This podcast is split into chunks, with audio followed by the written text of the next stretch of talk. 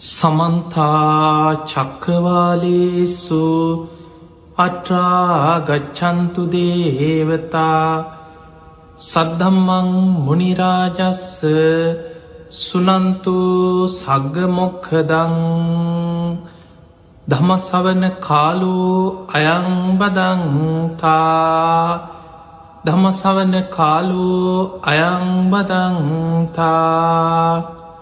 තමසවන කාලෝ අයංබදංතා නමුතස්ස භගවතු අරහතු සම්මා සම්බුද්ධස්ස නමුතස්ස භගවතු අරහතු සම්මා සම්බුද්ධස්ස නමුතස්ස භගවතු අරහතු සම්මා සම්බුද්ධස්ස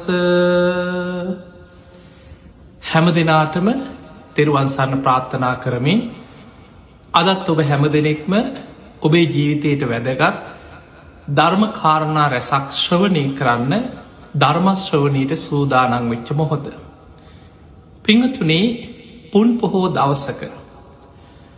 පෝය දවස්වලට දෙවියනුත් ඔබ වගේම ධර්මය ශ්‍රවණය කරන්න එකතු වෙනවා. හැබැයි හැමෝම නෙමේ. දෙවියන් අතරත් ඉන්නවා සම්මාධිට්ටික මිත්‍යාදෘෂ්ටික කියලා දේවතා කොටස් ඉන්නවා.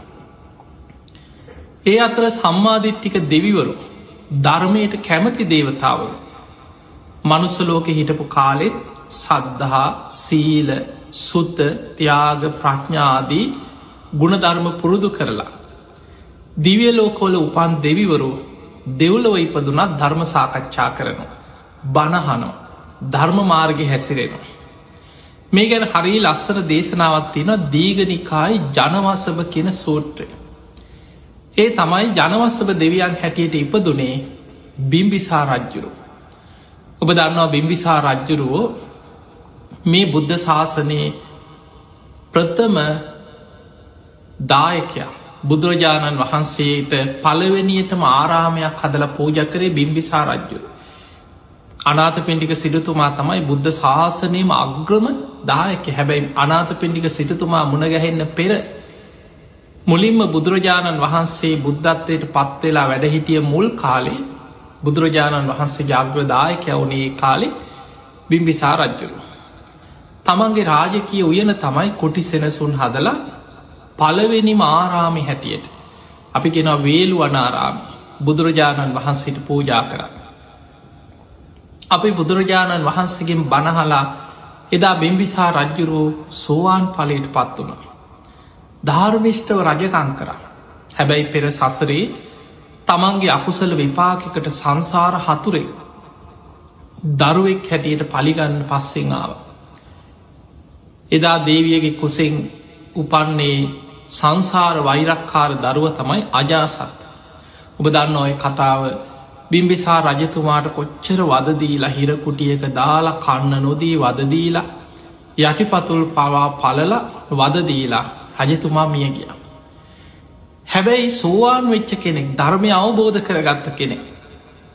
නින්දෙන් පිබිදිය වගේ තවතිසා චාතුම් මහාරාජික දිවිය ලෝකේ වෛශ්‍රවන දෙවියන් යටතේ ජනවසභ නමින් දේවතාවක් කියලා ඉපදුන. මෙන්න මේ ජනවසභ දෙවියන් දවසක් බුදුරජාණන් වහන්සේ මුණගැහෙන් ඇවිල්ල කියනවා ස්වාමීණි මමයි ජනවසභ. මමයි ජනවසභ කියලා දිවිය ලෝක ලස්සන විස්තරයක් කරන. අන්න ඒක සඳහන් වෙනවා පෝය දවස්වලට දෙවිවරු සුධර්මා දිවිය සභාවට එකතු වෙනවා. පසලොස්සක පෝය දවසට දැන් අද වගේ පසලොස්සක පුන් පොහෝ දවසකට දෙවිවරු සුධර්මා දෙවිය සභාවට එකතු වෙලා බණහන්න සූදානමෙන් ඉන්න. සදව් ලොවම බණහන්න කැමති පිනට කැමති ධර්මයට කැමති බොහෝ දෙවිවරු එකතු වෙන. ඒ දෙවියන්ට දහම් දෙසන්න එන්නේ අනාගාමී පලට පත්වෙලා සුද්ධවාස බඹලව ඉන්න බ්‍රහ්ම දේවතාවරෝ දිවිය ලෝකෙට වඩින්. ඒ අතර ජනවසභ දෙවියන් එවැනි වඩින දෙවි කෙනෙක් බ්‍රහ්ම දෙවි කෙනෙගේ නමක් සඳහන් කරලා කියනවා සනන්ත් කුමාර කියලා බ්‍රහ්ම දෙවි කෙනෙක්. දෙව්ලොවට වැඩම කරලා බඹලොව ඉඳම් දෙවියන්ට ධර්මය දේශනා කරනවා. ඔබ කවුරුත් දන්නවා අනාගාමී වෙච්චාය මේ බුද්ධ ශාසනය තුළ යම් කිසි කෙනෙක් අනාගාමියුණු අනාගාමී කියන්නේ න ආගාමී කාම ලෝකයට ආයමත් එන්නේ නෑ කියෙන අර්ථය. එදකොට මනුස්සලෝක දිවියලෝක අයිති වෙන්නේ කාමලෝකවලට පංච කාමයන් තුළ තමයි සැපය සතුට සොන්නස හොයමින් මේ ලෝකොල සත්‍යයන් ජීවත්වෙන. ඒ නිසා අනාගාමී පලට පත්වෙන අය උපදින්නේ සුද්ධවාස බඹලව. අනාගාමී අයම උපදින බ්‍රහ්මලෝක පහක් ගැන ධර්මය සඳහන් වෙන. අවිහ අතප්ප සුදස්ස සුදස්සී අකනිට කියලා මේ විදිහ බ්‍රහ්මලෝක පහක් තින මේ ඔක්කොටෝම කැන අකනිටා බ්‍රහ්මලෝක.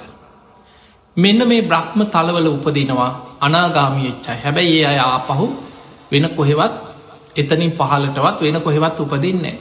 උපරිම ඒ බ්‍රහ්මලෝක සුද්ධවාස බබලුව විතරයි. එහෙදිම පිරිනිවන් පානවා තමන්ගේ ඉතිරි ක්ලේෂයන් ප්‍රහාණය කරලා අනාගාමි වෙච්ච කෙනාටත් තියෙන රූපරාග අරූපරාග මාන උද්දත් චවිද්‍යා කියලා තව සංයෝජන කීපයක් තිය. ඒ සංයෝජන ප්‍රහාණය කරලා එහිදි පිරිනිවන් පාන. එදකොට අනාගාමි වෙලා පිරිනිවන් පාන්න අපේක්ෂාවෙන් ඒ ධර්මමාර්ගයේ වඩමින් සිටින බ්‍රහ්ම දේවතාවරු පෝය දවස්වලට පසොලොස්සක පෝය දවසට දිවිය ලෝකෙට වැඩම කරනවා දෙවියන්ට බණ කියන්න දහම් දෙසන්. එහෙමනම් අපිට පේනවා මනුස්සලෝකයේ පින් ඇති අය සිල් ගන්නවා පෝය දවසට. තමන්ගේ පන්සලට වෙහෙර විහාරස්ථානවලට ගිහිල්ල සිල් සමාදන් වෙනවා. ඒවගේම හදිස්සේවත් සිල් ගන්න යන්න බැරි වුණු සීලයට කැමති කෙනෙක් පෝය දවසට ගෙදර ඉඳං හරි සිල් සමාදන් වෙන. එහෙම සිල් සමාදන් වෙලා ගෙදර ඉඳං හරි බණහනවා. කොහොම හරි එදා දවසෙ පුළුවන්තා ගුණධර්ම තමන් නිවසේ ඉදං වෙනදට වඩා කැපවීමකින් ආරක්ෂා කර. ඒ තමයි සීලයට ගරු කරන සීලයට කැමති පිනට කැමති කෙනාගේ තමන්ගේ දිනෙදා දින චරියාවිස භාවය. බුදුරජාණන් වහන්සේ පෙන්නුවේ මගේ ගිහි ශ්‍රාවකයන් නිත්‍ය සීලෙ හැටියට පංච සීලි ආරක්ෂා කරන. මතක තියාගන්න ගිහි ශ්‍රාවකයන්ගේ නිත්‍ය සීලෙ පංච සීලෙ. එතන නිත්‍යයි නිත්‍යයි ගැන ඒකායි කිසිම හේතුවක් නිසා මොනම හේතුවක් නිසා ඒ සික්ෂාපද බිඳගන්න නැතුව දිවිහිමියෙන් ආරක්ෂා කරගන්න දක්ෂ වෙන්නවා. මොකද ඔබ සමාදන් වෙන්නේ සෝවාන් වෙනකල් අපි සාමාන්‍ය කෙනවා අතිසරණ සහිත පන්සිල් සමාදන් වෙන්න. අතිසරණ සහිත පන්සේ සමාදන් වම කියල කියනවා. ඒ තිසරණ සහිත පන්සේ සමාදන් වෙනවා කියන එක අර්ථය තමයි තිසරණී තෙරුවන් සරණය යන බුද්ධන් සරණං ගච්ඡාමි දම්මන් සරණං ගච්ඡාමි සංගන් සරණං ගච්ඡා දුතියම්පි තතියම්පි කියලා තුම් පාරක් තෙරුවන් සරණයන ඊළඟට පන්සේ සමාදන් වෙන ගිහි ශ්‍රාවකි ඔබ මොනවද මේ සමාදන් වෙලා තියෙන මේ තමයි සෝතාපත්ති අංග හතර ඔබ සමාදන් වෙන්නේ තිසරණ සහිත පන්සේ සමාධන් වෙනවා කියලා සමාදන් වෙලා තියෙන්නේ සෝතාපත්ති අංගවල ඔබ සමාදන්වෙන්. සෝවාන් වෙච්ච පුද්ගලයාට පිහිට නංග හතරක් බුදු හාමුදුරුව පෙන්නවා. බුද්ධය අවිච්ච ප්‍රසාද යාට බුදුරජාණන් වහන්සේ ගැන අච්චල අවිච්ච ප්‍රසාදයක් පිහිටනවා. දම්මේ අවිච්ච ප්‍රසාදය. එයාට ධර්මය ගැන බුදුරජාණන් වහන්සේ දේශනා කරපු ධර්මය ගැන අච්චල සද්ධාවක් අවෙච්ච ප්‍රසාදයක් පිහිටනවා.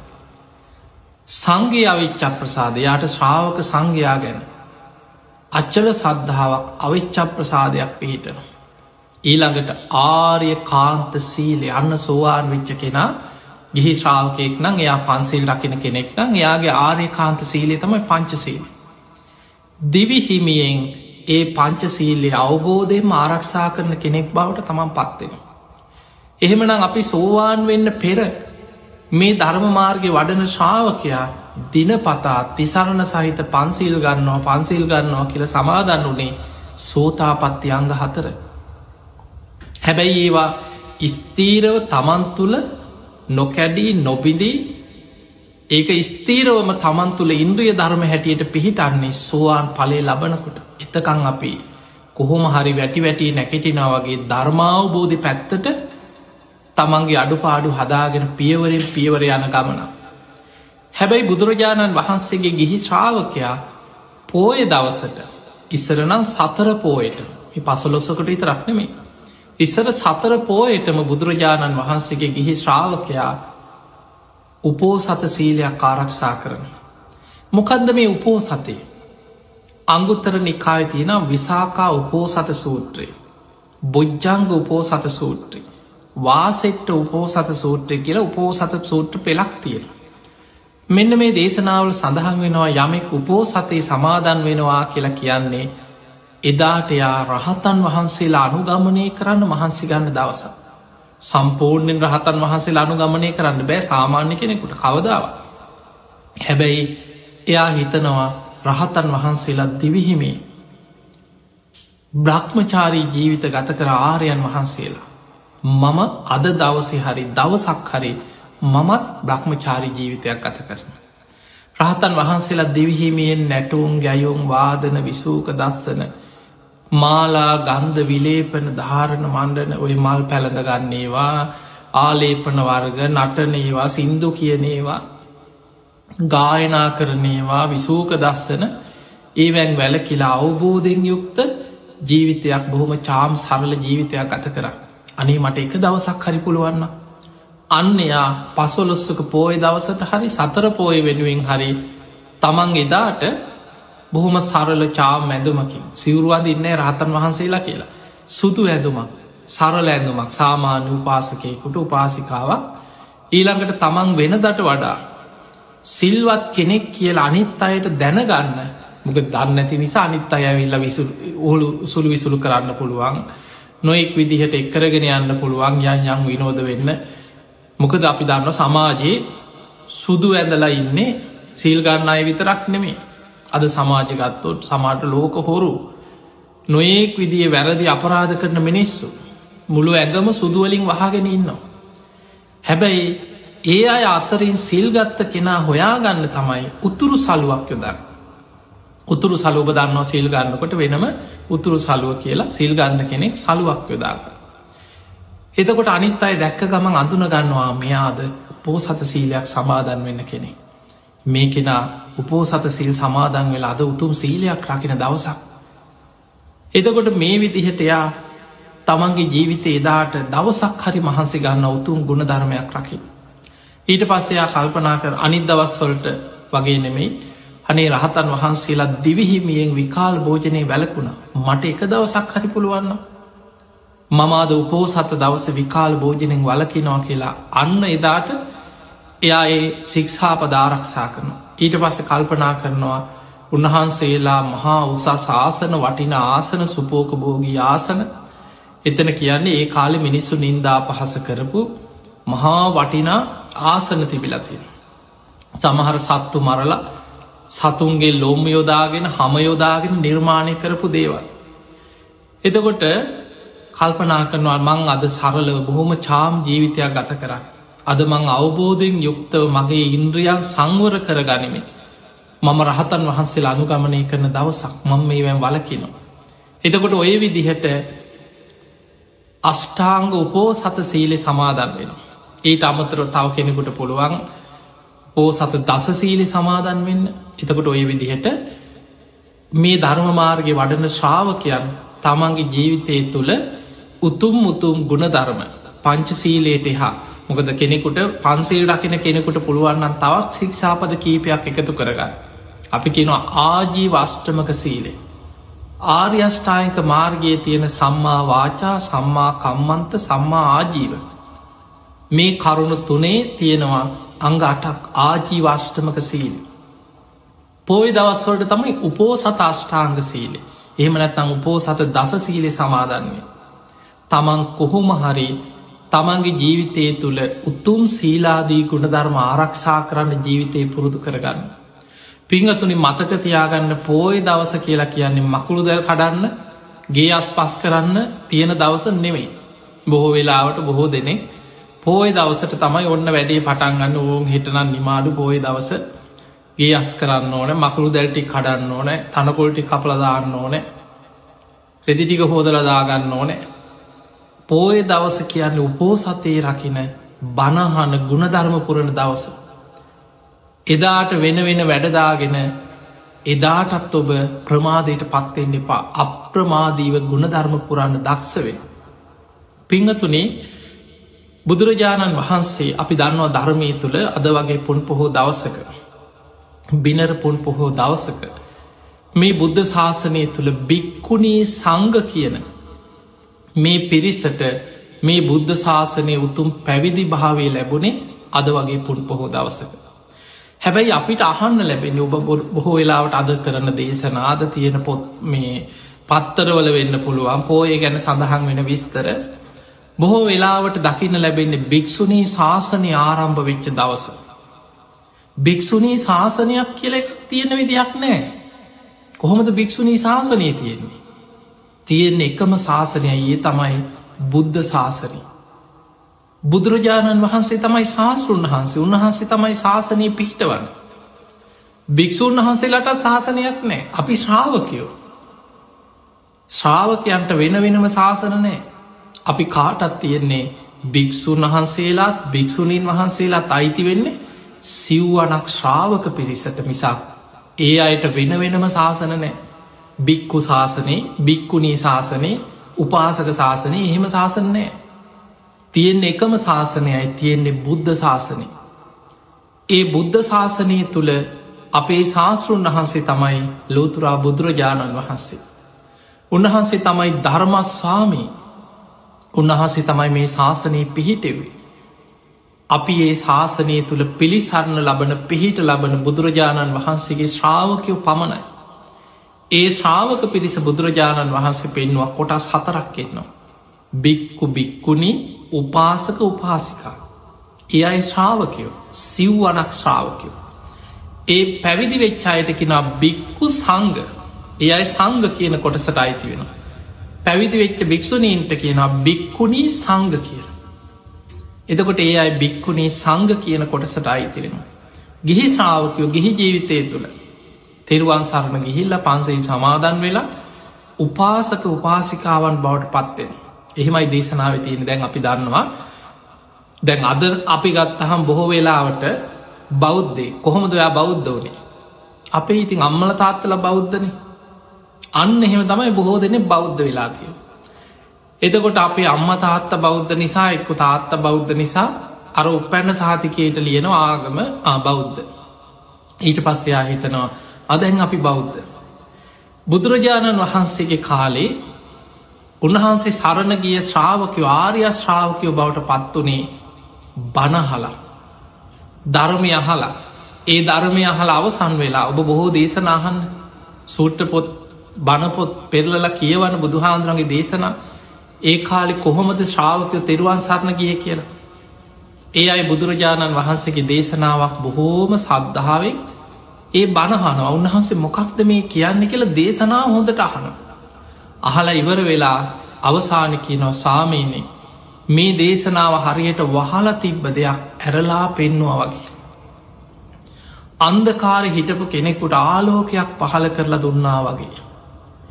මම්මුලා වෙච්ච කෙනෙකුට පාරක් පෙන්වා වගේ මේ තතාගතයන් වහන්සගේ මේ දේශනා සාමීනී අද පටන් අපේ බුදුන් සරණ යනෝ අද පටන් අපි ධර්මය සරණ යනු. අද පටන් අපි ශ්‍රාවක සංඝයා සරණ යනු.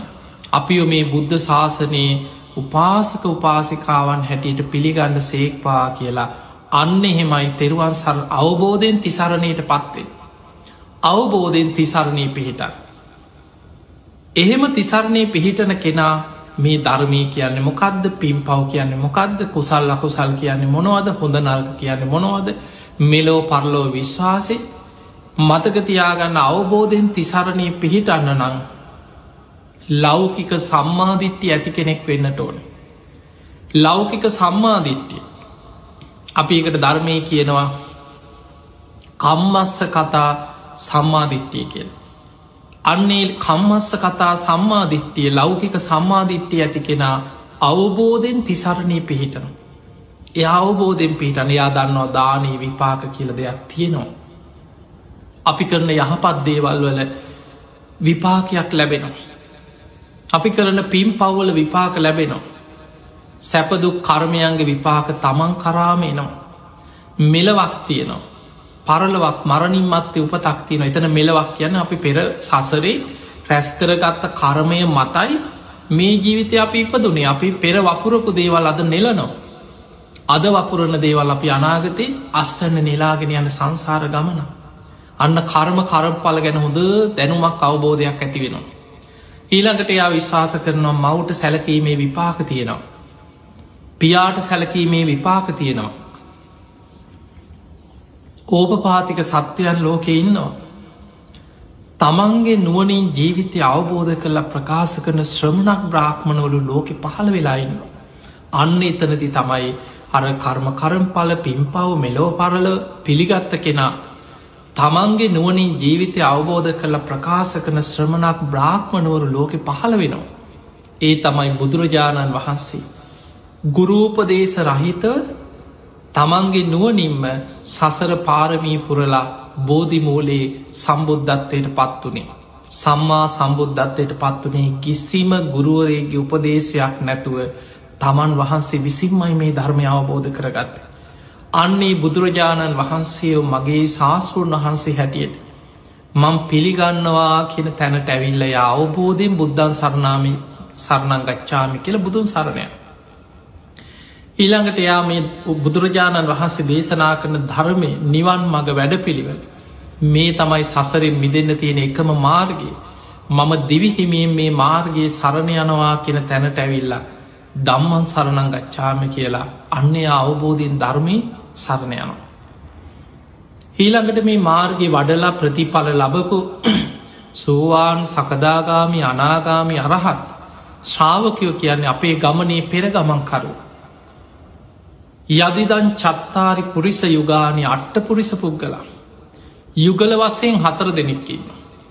සෝවාන් මාර්ගඵල සකදාගාමි මාර්ගඵල අනාගාමි මාර්ගඵල අරහත් මාර්ගඵල. එතකොට යුගල හතර පුද්ගලය වසයෙන් වෙන වෙනම ගත්තොත් අට දෙනෙක්කින්න සෝවාන් මාර්ගයේ ගමන් කරන කෙනා. ඒ කෙනා තමයි සද්ධානුසාරී දම්මානුසාරී ශ්‍රාවකයෝ. ඉළඟට සෝවාන් පලට පත්තෙච්ච කෙනා. සකදාගාමී මාර්ගය ගමන් කරන කෙනා. සකදාගාමී පලට පත්තෙච්ච කෙනා. අනාගාමී මාර්ගයේ ගමන් කරන කෙනා. අනාගාමී පලට පත්තෙච්ච කෙනා. අරහත් මාර්ගයේ ගමන් කරන කෙනා මහරහතන් වහන්සේලා. පුද්ගලය වසයෙන් වෙන වෙනම ගත්තොත් අට දෙනයි.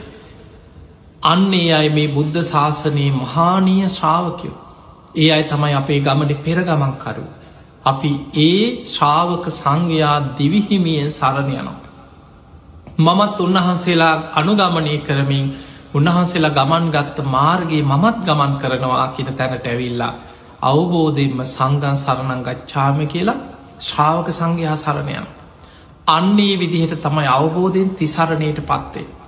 ඊළඟට එයා තෙරුවන් සරණගිය උපාසකයෙක් වෙන්න නම් සිල්වත් කෙනෙක් වෙන්න නම් එයා නිති පන්සිල් රකිනෝ පෝයිට උපෝ සතය ආරක්ෂාකන අන්නයා තමයි සීලවන්තෝ උපාසක සිල්වත් උපාසකෙක් කැටියට මේ ධර්මය තුළ පෙන්නලතිය. පිංහතුනේ අපි දන්න අපේ බුදුරජාණන් වහන්සේ බුද්ධත්වයට පත්වෙලා පලවෙනි අවුරුද්දේ. අවුරුද්ධකට පසුව තමයි තමන්ගේ ඥාතීන් සාක්‍ය වන්සිකයන් මුණගැහෙන්න කපිල වස්තුපරයට වඩේ. සුද්දෝදන රජතුමාට තමන්ගේ පුතා උතුන් ලෝතුරා සම්බුද්ධත්වයට පත් වනා කියල දැනගත්ත දවසේ දං අමාත්‍යවරු කණ්ඩායන් නමයක් පිටත් කර දාහ දාහ සේනාවත් එක පිටත් කර අනේ කොහොම හරි මගේ බුදුපුතා මට දකින්න ඕන. මන්දැන් වයසයි. මගේ හුස්මටික යන්න කලින් මට උන්වහන්සේ මේ නගරයට වඩම් මන්න මට ඇස් දෙකෙන් දකින්න ඕන. හොඳයි රජතුමනී කියලා. රජතුමාගේ අවසරාරගෙන ගිය අමාත්‍යවරු ඔක්කොම බනහල රහත් වනා හැබැයි අරග ගිය පණවිඩේ ඒ අයි පැවිදි වුණා රහත් වනා බුදුහාන්දුරන්ගේ ශ්‍රාවකය බවට පත් වනා මිසක් ගිය කාරණ ඉෂ්ට කරේ නෑ තවත් කණ්ඩායමක් ඇරිය ඊලං කණ්ඩායමත් ඇරිය. ඔය විදියට කණ්ඩායන් අන්තිමට නමවෙනි කණ්ඩායම තමයි රජතුමාගේ සියලු කාරයන් භාරව හිටි අමාත්‍යවරය. ඒ තමයි කාලුදායකි අමාත්‍යවරය. ඔහුට කතා කරලා කිව්වා මන් දැන් වයසයි. මගේ හුස්මටි කියන්න කලින් ඔබ විතරයි මට ඉන්න ඊළඟ විශ්වාසවන්තම කෙනා. ඔබවත් මගේ පොරොන්දුව ඉෂ්ට කරන්න. ඔහු යන්න පෙර ඔහු පොරොන්දුවක් ගත්තා. ඒ තමයි මම ඔබේ පොරොන්දුව ඉෂ්ට කරන්න. හැබැයි මට පළමුුව මාව මේ සියලු තනතුරුවලින් ඉවත් කරලා මට ඒ බුද්ධ ශාසනය පැවිදිවෙන්න අවසරදේ මං ඔබේ පොරොන්දු ඉෂ්ට කරන්න. ඒ අවසරය අරගෙන ගිහිල්ලා බුදුරජාණන් වහන්සේගෙන් බණහල පැවිදි වෙලා ඒ පිරිසත් එක්ක ඔන්න නියමිත කාලේනකොට බුදුහාන්දුරන්ගෙන් ඉදිරියට ගිහිල්ල වන්දනා කරලා ඒ වෙනකොට බුදුරජාණන් වහන්සේ රජගහනුවර වැඩ හිටි රජගහනුවරත් කපිලවස්තුපුරයත් අතර මාර්ගයේ තින සුන්දරත්වය ගාත ගණනාවකින් බුදුහාමුදුරු ඉදිරියේ වන්දනා කරලා වර්ණා කරමින් ආරාධනා කරා තමන්ගේ ඥාතීන්ට සාක්‍ය වන්සකයන්ට අනුග්‍රහ පිණිස. කපිල වස්තුපුරයට වඩින සේක්වා කියල. බුදුරජාණන් වහන්සේ ආරාධනය පිළිගත්තා. බුදුහාමුදුරු වඩිනවා කියන කාරණයේ දැනගත් රජතුමා ඉක්මනට නීග්‍රෝධ කියන සාක්‍ය කුමාරයගෙන් ඒ වටිනාම ඉඩ මරගෙන සාක්‍ය කෝලිය වන්සිකය මුළු නගරවාසීන් එකතු කරගෙන ඉක්මනින් බොහොම රමණීය ආරාමයක් හැදවා. ඒ තමයි නීක්‍රෝධාරාම. එදා අපේ බුදුරජාණන් වහන්සේ වැඩම කරලා සාක්‍ය වන්සිකයන්ගේ මානෙ දුරු කරන්න.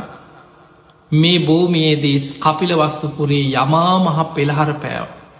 බුදු සිරුරෙන් ගිනිදැල් විහිදෝමින් ජලදහරා විහිදෝමින් යමා මහ පෙළහර පෑව. පිංහතුනේ අපේ බුදුරජාණන් වහන්සේ ඊළඟ දවසේ ඔබ දන්නවා බුදුරජාණන් වහන්සේ පාත්තරය අරගෙන පසුවදා නගරි පින්ඩ පාති වඩිනවා. සුද්දෝදන් රජතුමාට මේ කාරංචි වෙලා උන් හිටි තැන් අමතක වුණා. දුවගෙන දුවගෙන ගිහිල මහ පාරම වන්දනා කළ කියන අනේ බුදුපුතේ අපිට ලැජ්ජ කරන්න එපා. අපි සාක්‍ය වන්සිකයෝ. අපි කාගෙන්වත් මෙහෙම ඉල්ලගෙන ඇපිච්ච පිරිසක් නෙමෙයි. ඒවෙලේ බුදුරජාණන් වහන්සේ වදන් රජතුමනි ඔබ සාක්‍ය වන්සේ බව ඇත්ත හැබැයි මම දැම් බුද්ධ වන්සේට අයිති කෙනෙ මේ තමයි බුද්ධ වන්ස චාරිත්‍රය බුදු හාමුදුරන්ගේ ශ්‍රාවකයන්ගේ ක්‍රමය බුදුවරුන්ගේ ක්‍රමය ඒවෙලේ බුදුරජාණන් වහන්සේ පාත්‍රය අතේතියාගෙන රජතුමාට ගාථාවකින් දහම් දෙස්ව මහපාරය. ඒ බණහලා ඒ තැනම සුද්දෝදන රජතුමා උතුම් සෝවාන් පලට පත් වුණ. බුදුරජාණන් වහන්සේට පසුවදා නිවසට මාලිගාවට දානයට ආරාධනා කර. එදා බුදුරජාණන් වහන්සේ මහා සංඝයා පිරිවරාගෙන මාලිගාවට වැඩම කරලා. දන් වලඳල දහම් දෙස්වා අන්න එදා එතනදී මහා ප්‍රජාපති ගෝතමිය උතුම් සෝවාන් පලේ ලැබුව. ඊට පස්සෙත් කීප වතාවක්ම බණහලා මහා ප්‍රජාපති ගෝතමිය සකදාගාමියාදී මාර්ගපල් ලැබුව. ඔය අතරේ දැන් මහා ප්‍රජාපති ගෝතමය ඔබ දන්නවා බුදුරජාණන් වහන්සේගේ සුළු මෑනිය බුද්ධ මාතාව කියල හැදින්නේ. එකට හේතුව අපේ බුදුරජාණන් වහන්සේ බෝසත් පුතෙක් හැටියට එදා ලොම්මිනේ සල්වනේ පින්වන්ත මහාමායා දේවිය කුසින් මේ ලෝකෙට බිහි වෙලා දින හතකින් බෝසත් මව කලුරිය කරලා දෙව්ලෝ පහළ වුණ. මාට්‍රෝ දිවී රාජය හැටිට ඒක ලෝක ධර්මතාවයක් හැම බුදු කෙනෙකුටම සාධාරණ ධර්මතාවයක්කි. ඊට පස්සේ තමන්ගේ නන්ද කුමාරයා මහා ප්‍රජාපති ගෝතමයටත් දරුවෙක් ලැබුණයි දිනවල නන්ද කුමාරය. නන්ද කුමාරයට කිරියරුණට තමන්ගේ කිරිටික බෝසතාණන් වහන්සේට පෝවලා නන්ද කුමාරයක් කිරිමව්වරුන්ට දුන්න. ඒ විදියට තමන්ගේ ලේටික කිරි කරලා දීලා. හදා වඩාගත්තේ බෝසතාණන් වහන්සේ. ඒ නිසා බුද්ධ මාතාව කියල මහා ප්‍රජාපති ගෝතමයට හැදෙන්නේ. මේ මහා ප්‍රජාපති ගෝතමිය කීප වතාවක් බුදුරජාණන් වහන්සේගෙන් මේ බුද්ධ ශාසනය පැවිදිවෙන්න අවසර ඉල්ලනවා. හැබැයි අපේ බුදුරජාණන් වහන්සේ කොතනවත් ඒක කරන්න බෑ ආමී බුද්ධ ශාසනය පැවිදිවෙන්න බෑ කියලා කිවෙන්නේ. බුදුරජාණන් වහන්සේ වදාලා ගෝතමිය මේ එයට සුදුසු කාලය නොවේ කිය. මේ එයට සුදුසු කාලයෙන් නොවේකි. ඊට පස්ස බුදුරජාණන් වහන්සේ ආයමත් කීප වතාවක් බුදු හාමුතුර වඩින් සුද්දෝධ රජතුමා ගිලං වෙච්ච වෙලා වැඩම කර ආයමත් කපිල වස්තුපුරයට. ඊළඟට සාක්‍ය කෝලිය වන්සිකයන් අතර රෝහිණී නදයේ ජලය සම්බන්ධයෙන් යුද්ධයක් ඇතිවෙන්න ගිය වෙලාවේ බුදුරජාණන් වහන්සේ වැඩම කරලා දහම් දෙසලා ඒ යුද්ධයේ සංසිදවල මේ අය සමගි කෙරෙවු. ඒ වෙලාවෙ සාක්‍ය කෝලිය කුමාරුරු රාජ කුමාරුරු පන්සීයක් බුදුහාන්දුරන්ගේ බණහලා පැවිදි වෙන්න තීරණය කළ ඒ අයි ධර්මය අවබෝධ කරගෙන පැවිදි වුණ. බුදුරජාණන් වහන්සේ සමගම ඒ අය උතුම් ශ්‍රාවකයන් හැටියට පැවිදි ශ්‍රාවකයන් හැටියට ආපහු වැඩම කර.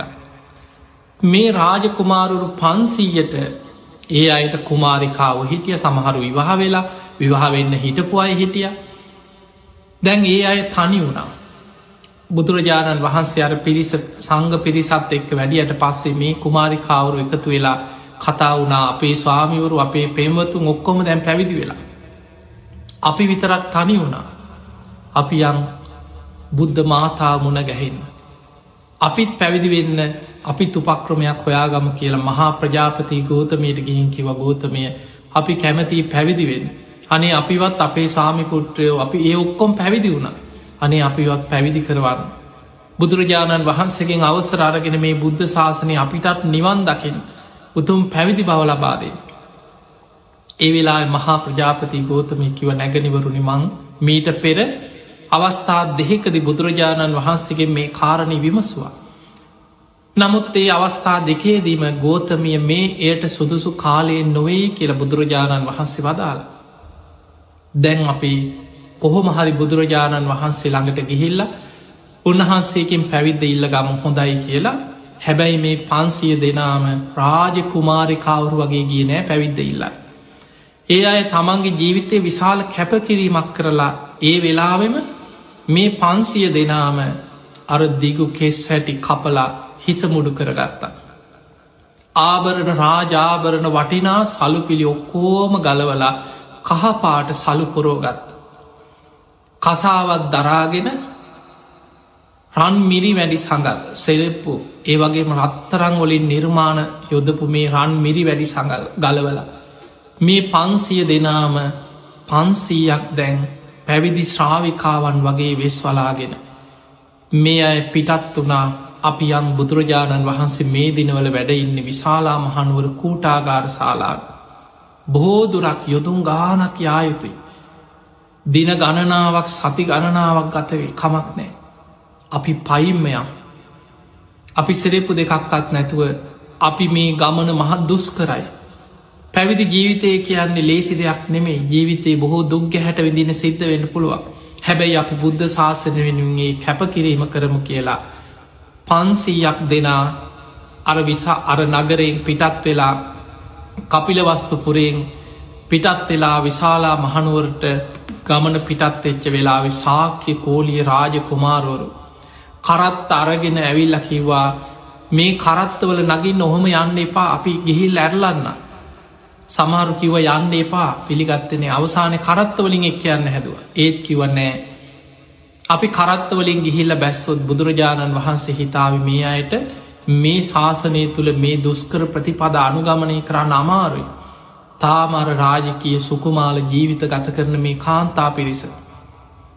නෑ අපි පයිම්ම යනවා කියලා නගරවාසයෙන් රාජ කුමාරවරු රාජකය ඥාතීන් හඬා වැලපෙද්දි. මහා ප්‍රජාපති ගෝතමිය පන්සීයක් පිරිස සමඟ බොහෝදුරක් දින ගණනාවක් යටි පතුල් තුවාල වෙලා සමහරුන් අඩිය තියෙන තියෙන තැංගොල ලේ ඒත් හිත හදාගෙන පාගමනෙන් බුදුරජාණන් වහන්සේ වැඩ සිටින විශාලා මහනුවර කූටාගාර භූමිය ඒ ශාලා වසලට පැමිණිය. හදිසියේ එතනට ඇවිල්ලා මහා ප්‍රජාපති ගෝතමය කල්පනා කරන මං කොහොමද දැන් අවසර ඉල්ලන්න. බැරි වෙලාවත් බුදුරජාණන් වහන්සේ අවසර දෙන එක ප්‍රතික්ෂේප කරොත් මිනිස්සු නින්දා කරයි මගේ බුදු පුතාට මිනිස්සු ගරහා කරයි තමන්ගේ සුළු මෑනියම් මෙච්චර කැපකිරීමක් කරලා මේ පන්සීයක් එක්ක. හිස මුඩු කරලා කසාවත් දරාගෙන පැවිදිවෙන් ඇවිල්ල මේ බුද්ධ ශාසනයේ පැවිදි බව දුන්නේ නෑනෙ මෙච්චර තමන් හදාවදාගත්ත මෑනියන්ට කියලා මිනිස්සු නින්දා පහස කරයි. එහෙම හිතහිත ඉන්නකොට ආනන්ද හාන්දුරු දැක්ක. ආනන්ද හාමුදුරට අදහාගන්න බැරිවුණ ආනන්ද හාන්දුර ඇවිල් ඇහුව මේ මොකද? මේ මේ පිරිසත් එක් මේ විදිහට? ඊට පස්ස කිව් ආනන්දයන් වහන්ස මං මීට පෙර අවස්ථා දෙහිකද මේ බුද්ධ ශාසනය පැවිදිවෙන් අවසරල්ලුව. බුදුරජාණන් වහන්සේ ගෝතමිය මේ ඒට සුදුසු කාලයෙන් නොවේ කියව.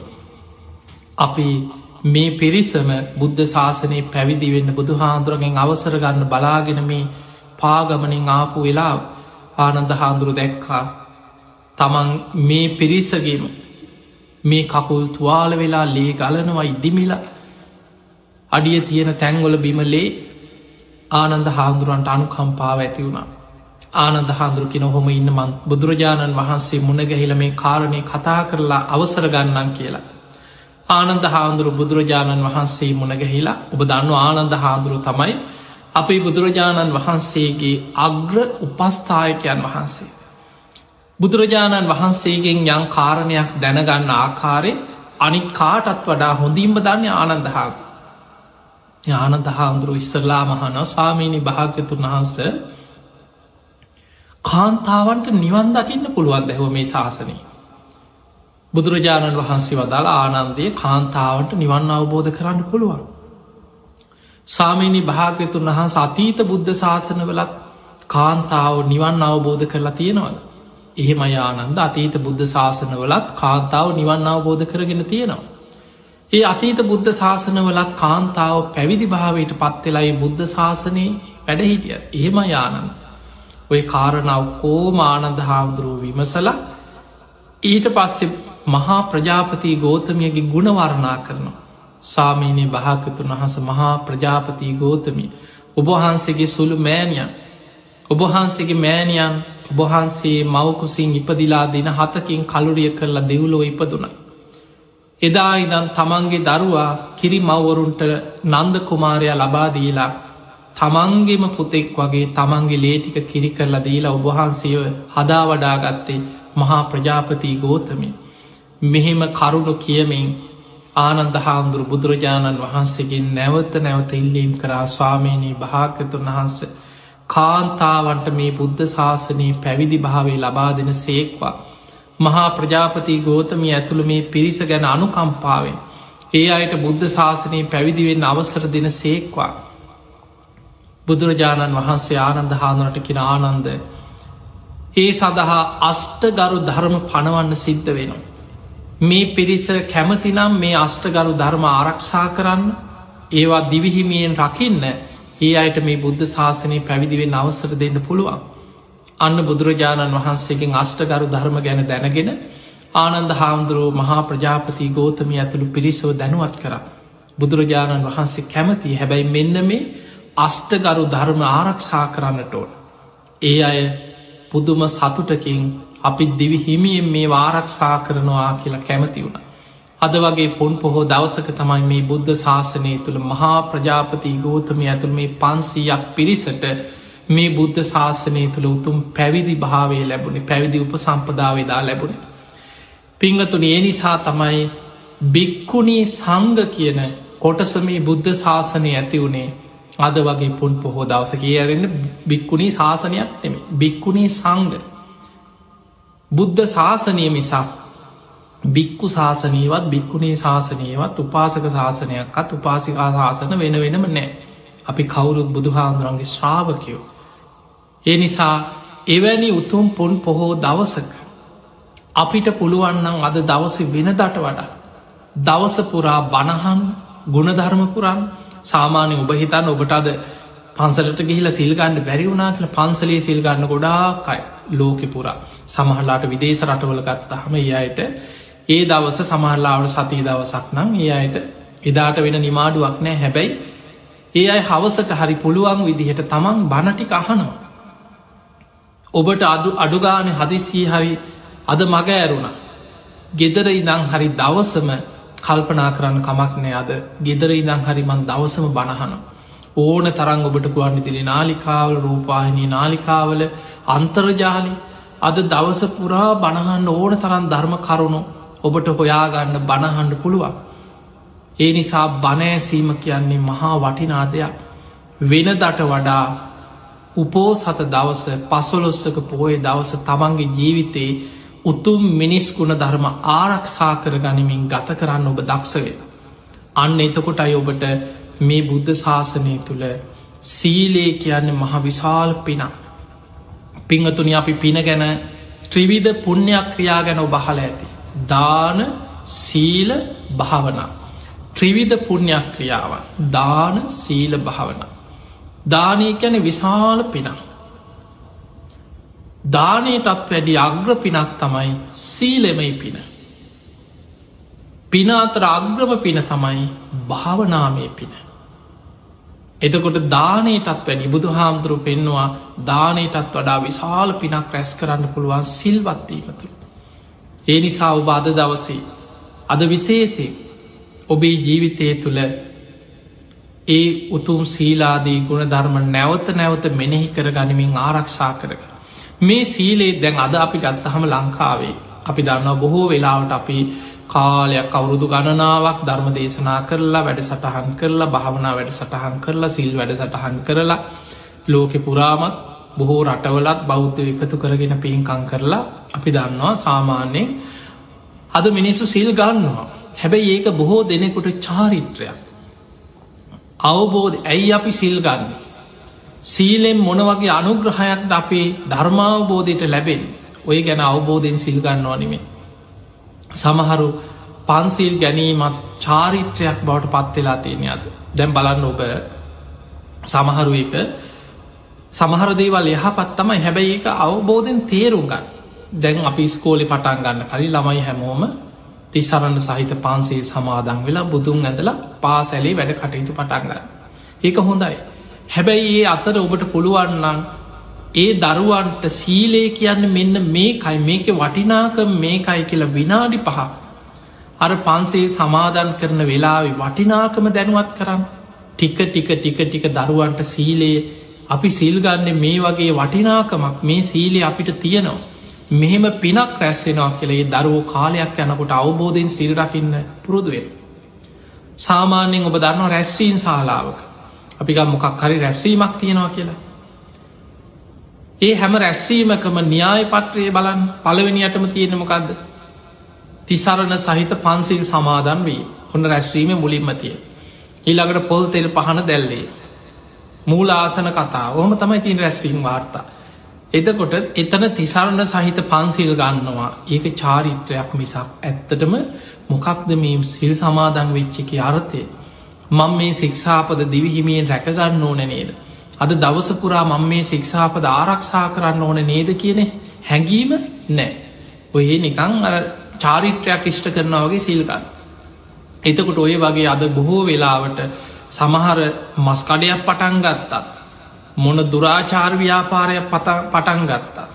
එක්කෝ මත්කුඩු වෙලදාම පටන් ගත්තත් පොල්තෙල් පහන දල්ල තිසරණ සහිත පන්සිල් සමාදන් වෙලා තමයි බොහෝ දෙනෙක් වැඩේ පටන්ගන්න. එදකොට අපිට පේනවා මේ අවබෝධයකින් සිල් රකින්න ඕන මේ බොහෝ දෙන. පිංහතුනි සීලේ කියන්නේ කය වචනය තුළ ඇතිකරගන්න සංවරකම. ඔබ සික්ෂාපද සමාදන් වෙනට මං කොහොමහරි මගේ අඩුපාඩු හදාගන්නවා කියලා පන්සිල් සමාදන් වෙන වෙලාවෙ හෝ අටසිල් දසසිල් හෝ උතුම් සීලයක් සමාදන් වෙදදි ලොකු පිනක් රැස්වෙනවා. ඒකට කෙනව සමාධාන සීලේ. හැබැයි ඒ සික්ෂාපදවල විශාලම පින රැස්වෙන්නේ විරති සීලය කියල් හඳුන්නනවා ඔබ ඒ සික්ෂාපද බිදෙන්න අවස්ථාවල් එනකොට කෙලෙස් තවන වීරියෙන් සිහියෙන් නුවනෙන් නෑ මම සිල් සමාධන් වෙච්ච කෙනෙක් මං මේ වැරැද්ද කරන්නේ නෑ මං මේ හොරකම කරන්නේ මං මේ ප්‍රාණගාති කරන්නේ මගේ අතින් පුංචි සතෙක්කත් මං මරන්නේ මං බොරුවක් කියන්නේ මං මත් පැන් මට්ටවේ ගන්නේ නෑ මං සිල් ගත්ත කෙනෙ ඒ විදිහට තමන්ගේ සීලේ මෙනෙහි කර කර ඔබට පුළුවන්නන් තමන්ගේ අඩුපාඩු හදාගෙන කයවචනය අවබෝධයෙන් සංවර කරගන්න. අන්න ඒ වෙලාවට විරති සීලේ වලකිනවා වරදෙන් වැලකීම සීලේ මෙනෙහි කරලා වරදිින් වලකින එතකොට තමයි ඒ සීල විශාලම පිනක් රැස්වේ ඒ නිසා දවස පුරා සික්ෂාපද ගැන සිහියෙන්ගෙන් පෝයට සිල්ගත්තත් දවසම අර බණමඩුවට වෙලා ගමීම කේලන් ටික හැලි ටික අනුන්ට පදහදනේවා බොහෝ වෙලාවට ගංවල සමහර බණමඩුවල නගරවලත් ඔහොම තමයි විවේකයක් දීපු ගමන් එයාගමයාගේ අඩුපාඩු කතා කර කර අකුසල් රැස් කරගන්න පුරුදුවෙන් එපා. තමන් කල්පනා කරන්න සිල්ගත්තා කියලා කියන්නේ සිල් රෙදි පොරෝගත්තා කියන එක නෙමේ සිල්ගන්නවා කියන එක කය වච්චනය අවබෝධයෙන් සංවර කරගෙන එදා දවසි උතුම් මිනිස් ගුණධර්ම ආරක්ෂා කරන දවසක්.